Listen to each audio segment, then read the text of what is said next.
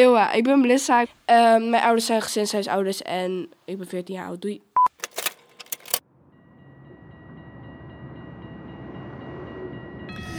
Ik rijd hier in een grote stad op weg naar het gezinshuis van Merel en Hans. Bij Merel en Hans wonen kinderen met complexe opvoedingsproblematiek en trauma. We gaan in gesprek met Melissa, een meid van 14 jaar die vanaf haar geboorte al heel veel heeft meegemaakt. En bij Merel en Hans met een veilige groep professionals om zich heen zo gewoon en fijn mogelijk op kan groeien. Als, voor mij, als ik hier om de hoek ben, ben ik er bijna. Sterker nog, dan zijn we in de straat. En eh, ja, hier is het.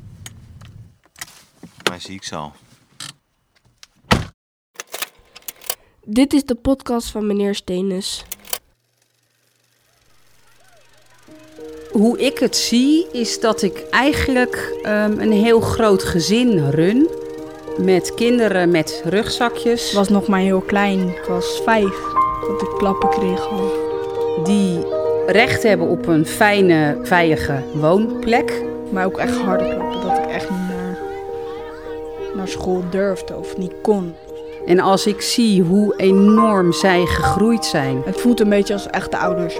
Ik hou gewoon heel veel van hun. En dat ik daar deel van uit mag maken. En dat ik hen mijn liefde mag geven en zij dat ook teruggeven. Ja, dat is geweldig. Dat is leuk. En nu ben ik hier. Dit is wel gewoon mijn huis. Waarin ze gewoon groot kunnen worden. En waarin ze kind mogen zijn.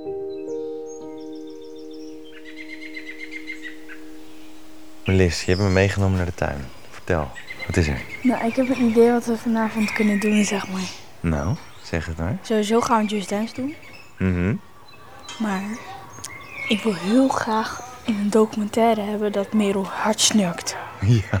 En Hans ook. Ja, Dus mijn plan is dat we vannacht gewoon gaan opnemen. ja, gaan we doen.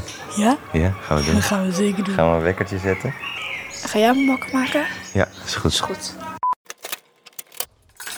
Lissa is een meisje van 13. Een vreselijk lief, leuk, enthousiast meisje. Een meisje wat heel kwetsbaar is. Wat heel beïnvloedbaar is. En dat is wel iets waar ik ook wel zorgen om heb. Ze ziet ons wel, dat zegt ze ook wel. Ik zie jullie ook wel als mijn ouders. Ehm, en dan noemen we het altijd maar pleegouders. Want dat stukje vindt ze ook nog ingewikkeld. Wat ook logisch is naar haar eigen ouders toe. Ja.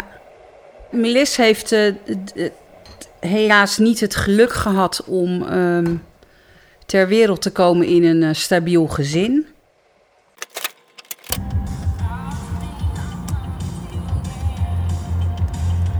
Mijn favoriete radiozender. Tot ergernis van alle kinderen. En welke radiozender is dat dan? 100% NL. Zo leuk. Wat zou jij op willen, Melis? Phoenix. En waarom Phoenix dan? Omdat dat rapmuziek is en zo. Waar zijn we nu naartoe onderweg, Melis? Naar mijn therapie. Oké. En ehm, als je daar naartoe gaat, eh, zie je er dan tegenop? Of maakt het je niet zoveel uit? Of vind je het wel oké? Ik zit er tegenop. Ja. En waarom zie je er tegenop? Wat best wel zwaar is. Gaan jullie daar dan samen heen? Ja, ik ga altijd met eh, Merel. Als ik dan ga kijken naar de therapie, daar ben ik altijd bij geweest. Dus je doet een soort van mee. Eh, dan is dat best wel eens pittig. Weet je, als zij dan de EMDR heeft en je ziet haar echt de, de ervaring doorleven. Zo, dan zit ik echt met tranen in mijn ogen. En denk, ach meis, wat heb jij allemaal moeten doorstaan? En hoe heftig is dat voor jou? En ik, ik denk dat zij het nodig heeft Ehm, dat ze daar stappen in zet. En die zet ze nu al, maar dat daar nog op, op termijn wat grotere stappen in gezet worden. En dat zij echt de beelden en, en alle nare ervaringen een plek kan geven in haar hoofd, zodat ze daar niet meer dagelijks last van heeft.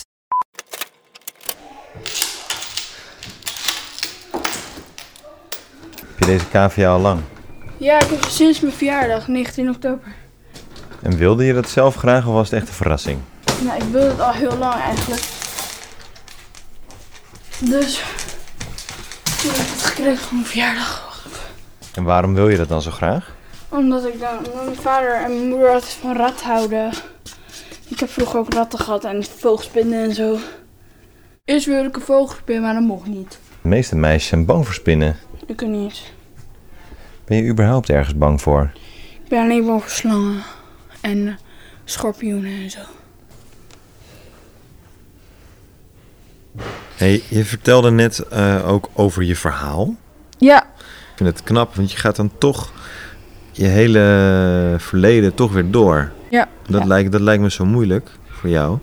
Als ja het zo- is natuurlijk ook heel erg moeilijk. Maar Ja, weet je, ik heb het geleerd en ik moet er gewoon mee leven. Weet je, uiteindelijk hebben we ook gesprekken gehad met mijn ouders. En ja, mijn moeder heeft echt wel heel erg, spijt het heel erg. En, maar mijn vader zie ik nog niet. Die heeft niet, nou, zijn spijt, ja, dat gaat ook nooit komen, denk ik. nee. Nee. Vind je dat moeilijk? Nou, ik vind het natuurlijk wel heel erg moeilijk. Maar weet je, ik heb heel veel geleerd en ik kan met dit wel leven. Ja, Natuurlijk wil ik het ook dat mijn vader het zegt. Maar dat gaat niet gebeuren. nee. Dus wat mijn vader, die heeft ook gezegd dat het niet is gebeurd en zo. En ik weet zelf wat er is gebeurd voor mij. Ik ben gewoon als baby, heb ik in mijn eigen ontlasting en dingen gelegen. Ik ben nooit verschoond of wat dan ook. Ja, ik lag alleen maar in mijn wiegje te huilen en met een volle luier en zo. En ik had honger en ja. ja. door al die tijd heen is zij gewoon heel erg verwaarloosd. En, en ja, op, eigenlijk op alle fronten heeft zij niet gekregen wat zij als klein kind, als baby al wel nodig had. Dus het hechten op een natuurlijke manier zijn allemaal dingen die zij niet heeft gekend. Ehm, heeft ook niet echt liefde gekregen en warmte en, en aandacht. Wat eigenlijk al vanaf baby natuurlijk er moet zijn. Een stuk huiselijk geweld daarbij. ehm, middelenmisbruik. eh, ja, van alles eigenlijk. En zij heeft met alle terugplaatsingen en alles bij elkaar 12, 13 plekken gewoond. Los van ouders en oma.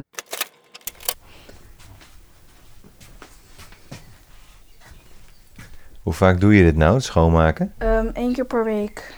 En ga je, moet je dan nu de hele bak schoonmaken of haal je alleen Ja, haal drolletjes alles eruit? Oké, het is wel even een werkje dus. Duurde ook wel echt lang over, eerlijk gezegd. Die, dingen. Maar goed, hoe oud was jij dat je uit huis ging en niet meer terugging? Ik was elf. Nee, tien. Ik was tien, ja. Dus het heeft nog best wel lang geduurd, hè, uiteindelijk. Heel erg lang geduurd. En hoe, en hoe was dat, die laatste keer? Wanneer wist jij, ik ga niet meer terug naar mijn ouders? Nadat eh, de rechter had besloten dat het niet meer, tot op mijn achttiende, niet meer thuis mag wonen. En was je daar op dat moment blij mee? Nee, of ik was daar niet verdrietig? blij mee. Nee, was niet blij mee. Ik, ja, ik dacht, ja, ik moet voor mijn ouders zorgen en alles. Maar het was niet zo. Ja, jij dacht, ik moet voor mijn ouders zorgen. Ja, Ja. wat ik het ergst vind is dat alsnog mijn ouders hebben gezegd, ja, ik kan het aan. Maar alsnog niet aan konden. Dus ik zat weer in gevaar. Mhm. En Ja. dat is juist niet leuk, want je bent nog zo klein en je hoort geliefd te hebben. Je hoort naar een speeltuin te kunnen, je hoort op te staan en te vallen en ja, dat. Ja. Je hoort gewoon te kunnen tekenen, je hoort gewoon te kunnen schrijven, je hoort gewoon leuk te hebben op school en alles. ja, Ja, dat had ik dus niet. nee. Ik was gewoon heel erg bang thuis. Ik, ja. Ja. ik heb heel vaak gesmeekt dat oma me uit huis ging helpen. Waar, Ja. was je, waar was je dan bang voor? Ja, dat ik klappen kreeg. En dat was ook het meeste geval ook zo. Ja, Ik was nog maar heel klein. Ik was vijf ongeveer. ja. Dat ik klappen kreeg al. Maar ook echt harde klappen. Dat ik echt niet naar, naar school durfde of niet kon. Ik heb eigenlijk altijd kleren aangehad met lange, lange broek en lange truien. ja, Of ja, om het maar te verbergen. ja. En nu ben ik hier. En daar ben ik heel erg dankbaar voor dat ik gewoon een plekje heb om te wonen. En dit is wel gewoon mijn huis. Ja. Ja. Hoe kijk jij dan naar Hans en naar Merel? Ja, ik hou gewoon heel veel van hun. Ja. Het voelt een beetje als echte ouders, maar dat zijn natuurlijk niet zo.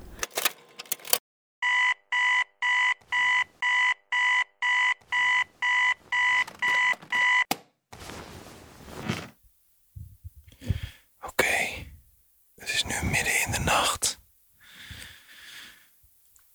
café. En ik ga Melissa wakker maken. Want belofte maakt schuld. Melis.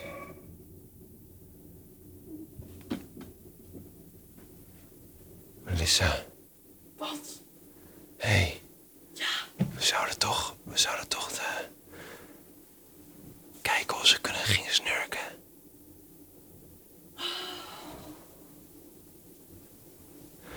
Of vind je het niet meer zo'n goed idee? Wil je lekker doorslapen? Oké. Oké. Doei, Tristan.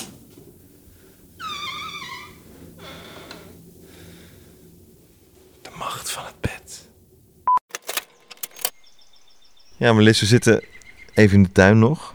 We hebben al heel veel, heel veel met elkaar gepraat. En eh, een van de dingen waar ik nog wel nieuwsgierig naar ben, want je hebt een voogd, Ja, heb je eerder verteld? ja mijn voogd heet Eline. Ja. Ja, die is, die is officieel voor de wet eh, jouw, jouw ouder. Ja, Hè? Dus die mag bepaalde dingen regelen voor jou. En wat, wat, eh, wat voor band heb jij met Eline? ja, wel een goede band. Gewoon, ja, normaal een beetje. Nou, kijk, ik vind het ook niet leuk om de hele tijd een voogd naast me te hebben. Ik vind het ook wel soms awkward of zo. Maar ik moet er wel mee Ja, Dealen, mee dealen. zeg maar. Ja. Wanneer vind je het awkward dan? als ik door de stad heen loop met haar. Ja? Dan praat ze zoveel en dan denk ik, oh, kijk nou niet naar me. Want dan denkt iedereen dat ik mijn moeder ben, dat je mijn moeder bent. En Ja, dat vind je van. niks als mensen Nee. zouden denken dat zij je moeder is? Ja, Waarom niet? soms heb ik dat ook al met meer hoor. Dan denk ik, dan denk ik ga ik even vijf meter verder, verder lopen. Omdat ik denk, oké, ik ken haar niet. Ja, ja nou, ik, ik ken dat ook al hoor.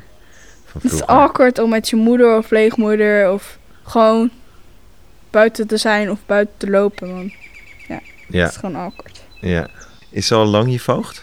Eh, ja, redelijk lang. Ik had eerst een andere voogd, maar die is, eh, is gestopt. Dus ik kreeg nu toen Eline. En ja, nu, ik weet niet hoe lang ik haar al ken. Ja, Maar wel jaren. jaar of zo. Ja. Maar, eh, maar goed, Eline, buiten dat je niet eh, met haar gezien wil worden, verder is ze heel oké. Ja. Maar bij het begin moest ik echt niks van haar. Nee? Ik moest echt helemaal niks van haar.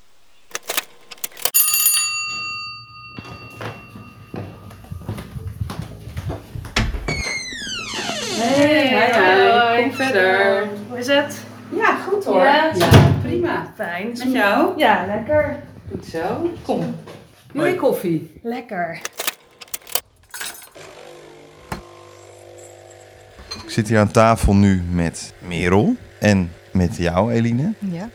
En Melissa die heeft laatst al met, eh, ja, toch wel met, met, ja, met liefde, is misschien overdreven, maar toch wel met, met, eh, met mooie woorden over Eline gesproken. Ja, zeker. Leuk om Ja. te horen. Ik ben ook wel van ver gekomen met Melissa. Ze was mijn eh, eerste voogdijpupil toen ik kwam werken. En nou ja, als ik zie en terugkijk hoe het eh, toen met haar ging en hoe het nu met haar gaat, dan eh, hebben we een hele route afgelegd. Toen ik Melissa leerde kennen, woonde zij bij oma. Een enorm belangrijk persoon voor Melissa. Ehm, maar goed, vanwege de leeftijd van oma, maar ook de familiebanden, ehm, nou ja, ging het niet heel goed met haar daar. Zat ze enorm in een, nou ja, een loyaliteitsconflict dus tussen oma en eh, haar ouders.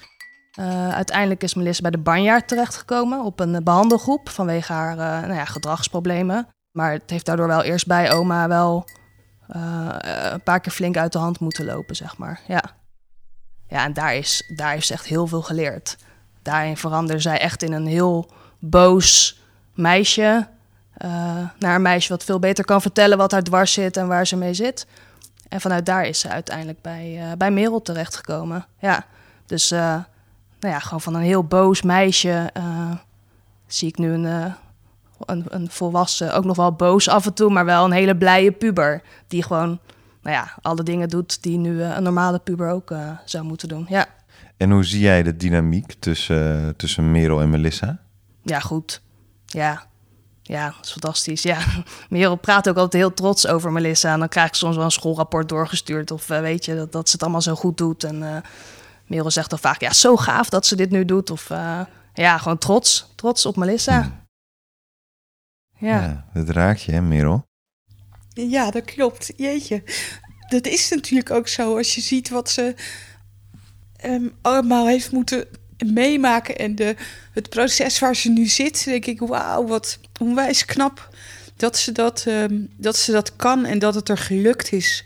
En dat is voor mij een soort ehm, ja, kroon op het werk. Al heb ik het nooit over werk, maar dat je dat dus kan bereiken, dat dat dus echt zo is. Als je er bent en je, ja, dat, dat is ze denk ik, je bent er. En dat is zo belangrijk en dat merk je aan, eh aan Melis daarin en met alle mensen daaromheen hoor. Nou ja, Geweldig. Zeker in het begin ook het tegenaan schoppen. Hè? Het, het, het, eh, dan had ik gesprekken met haar en dan eh, was het... nee, maar Merel is heel streng en die was weer boos. En als, als Merel, dan moet ik hier weer weg. Weet je, ook wel een beetje het, het zoeken naar grenzen. Zo van, ja, als ik me nog maar drie keer misdraag... dan kan ik, uh, sturen ze me toch weer weg. Ja, en dan volhouden. Met z'n allen, maar vooral eh, het gezinshuis natuurlijk. eh, volhouden van nee Melissa, je kan boos worden... maar je bent hier gewoon morgen weer... je bent hier gewoon over een uur weer welkom. Je gaat nu maar even afkoelen en je komt gewoon weer terug. Nou ja, en er zijn natuurlijk wel ook hier toen twee kinderen weggegaan. Ehm, dat was voor Melissa ook weer even een periode dat Ja. ze zei... oh ja, maar die... eh, ja, dan moet ik ook misschien wel weer weg binnenkort. Ja, Het belangrijkste is dat je moet kunnen, eh, je moet kunnen incasseren. Weet je, want anders moet je dit niet doen.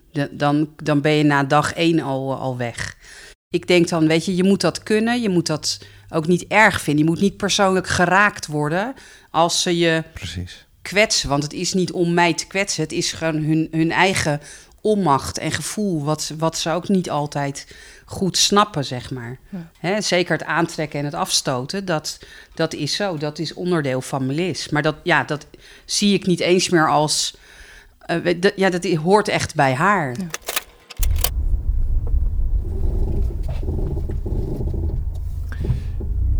Ik moet wel zeggen dat Merel goede inparkeerskills heeft. Nee, niet? Soms zit er zo'n stuk van de stoep. Ja. ik denk, ik zeg even wat aardigs. Ik vond het wel aardig. Ik vond het heel leuk. Ik dacht echt, jee! Er is toch iemand die vindt dat ik dat goed kan. Nee hoor.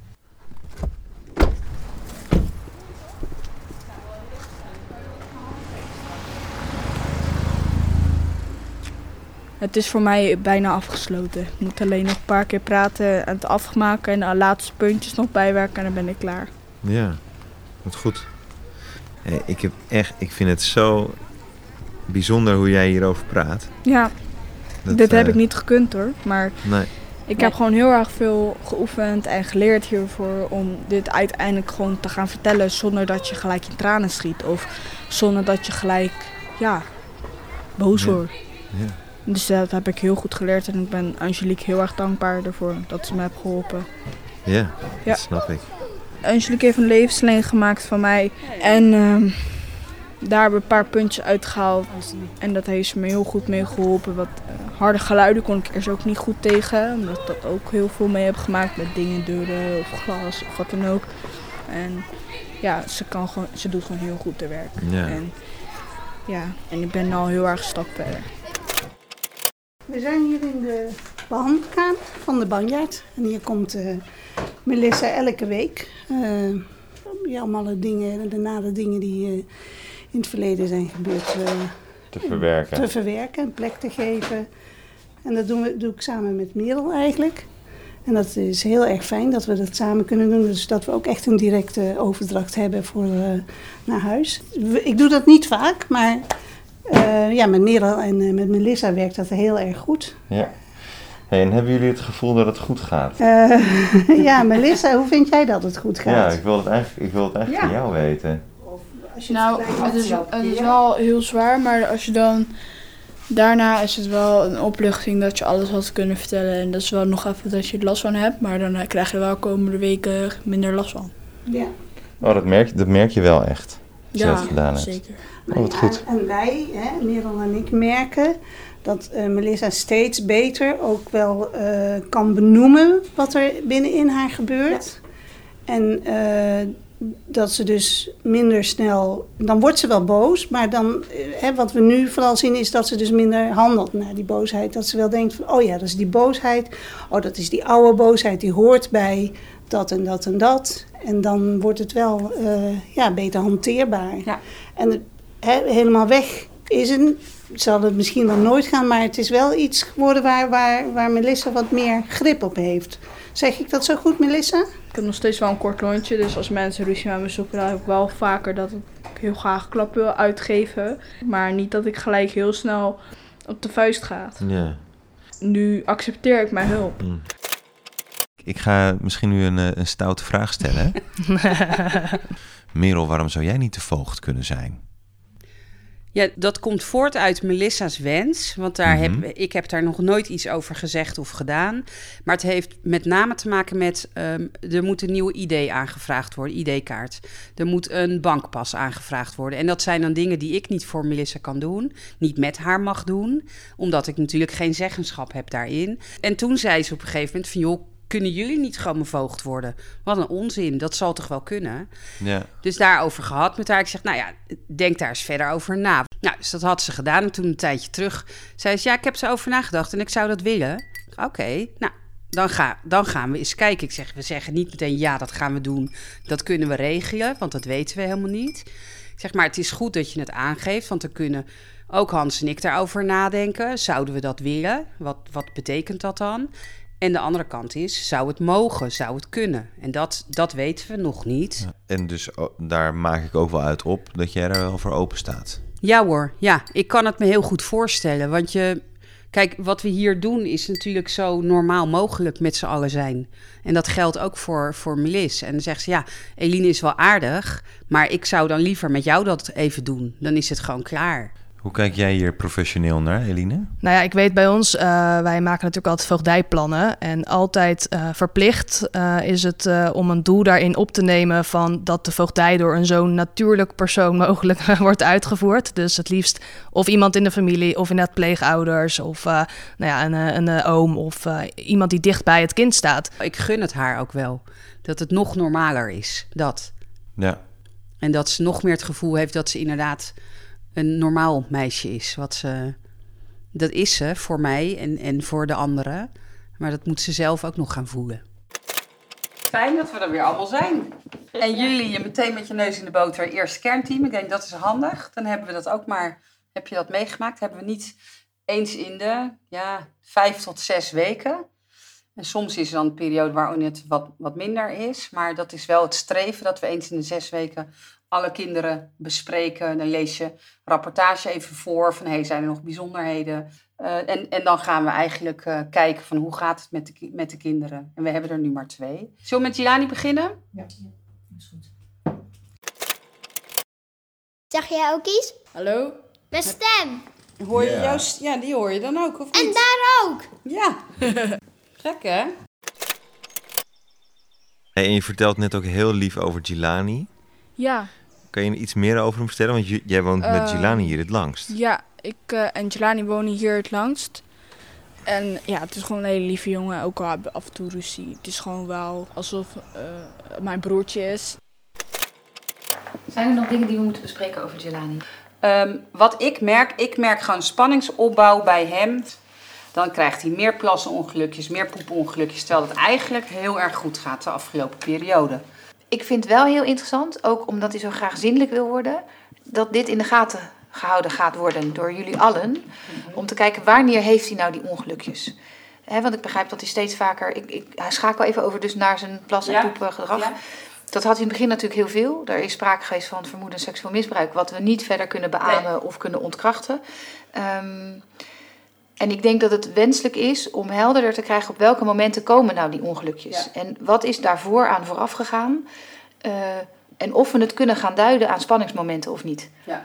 Ja, want laatst was er een moment, toen waren we McDonald's aan het eten en toen plaste hij ook ja. in zijn broek. Maar, maar ineens. Hij was er zelf ook van geschrokken. Hij heeft natuurlijk heel veel meegemaakt. Volgens mij dissocieert hij soms ook nog wel eens. Dat zou kunnen. Als ik dissocieer en ik ga echt helemaal terug naar mijn reptiele brein.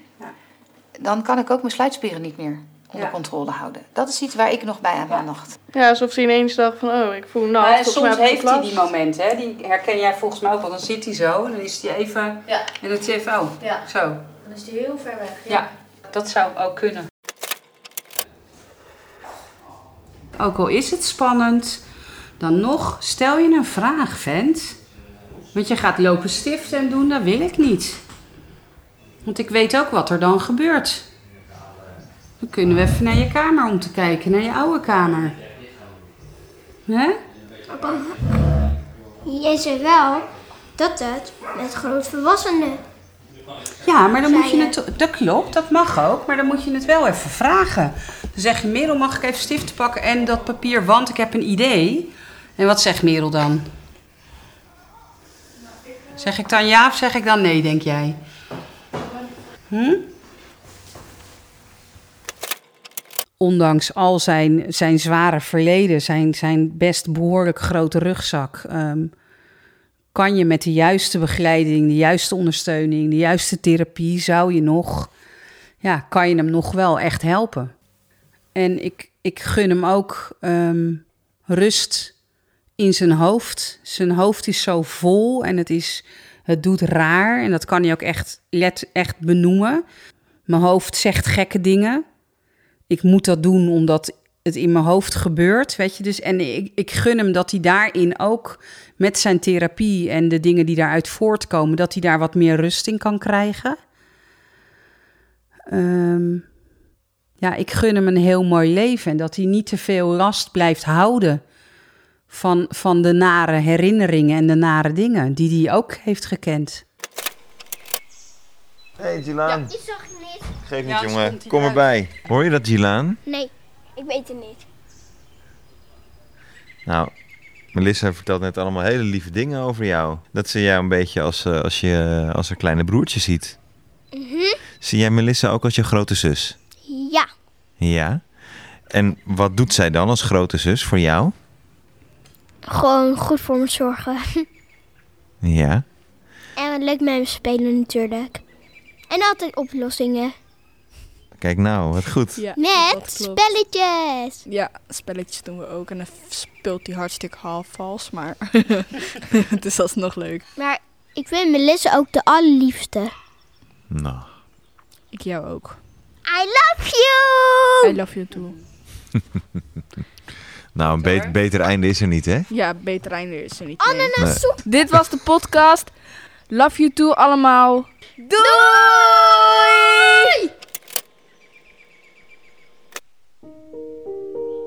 Dit was een aflevering van Meneer Stenus en de Gezinshuizen. Een zesdelige podcastserie over jongeren en kinderen die opgroeien in gezinshuizen.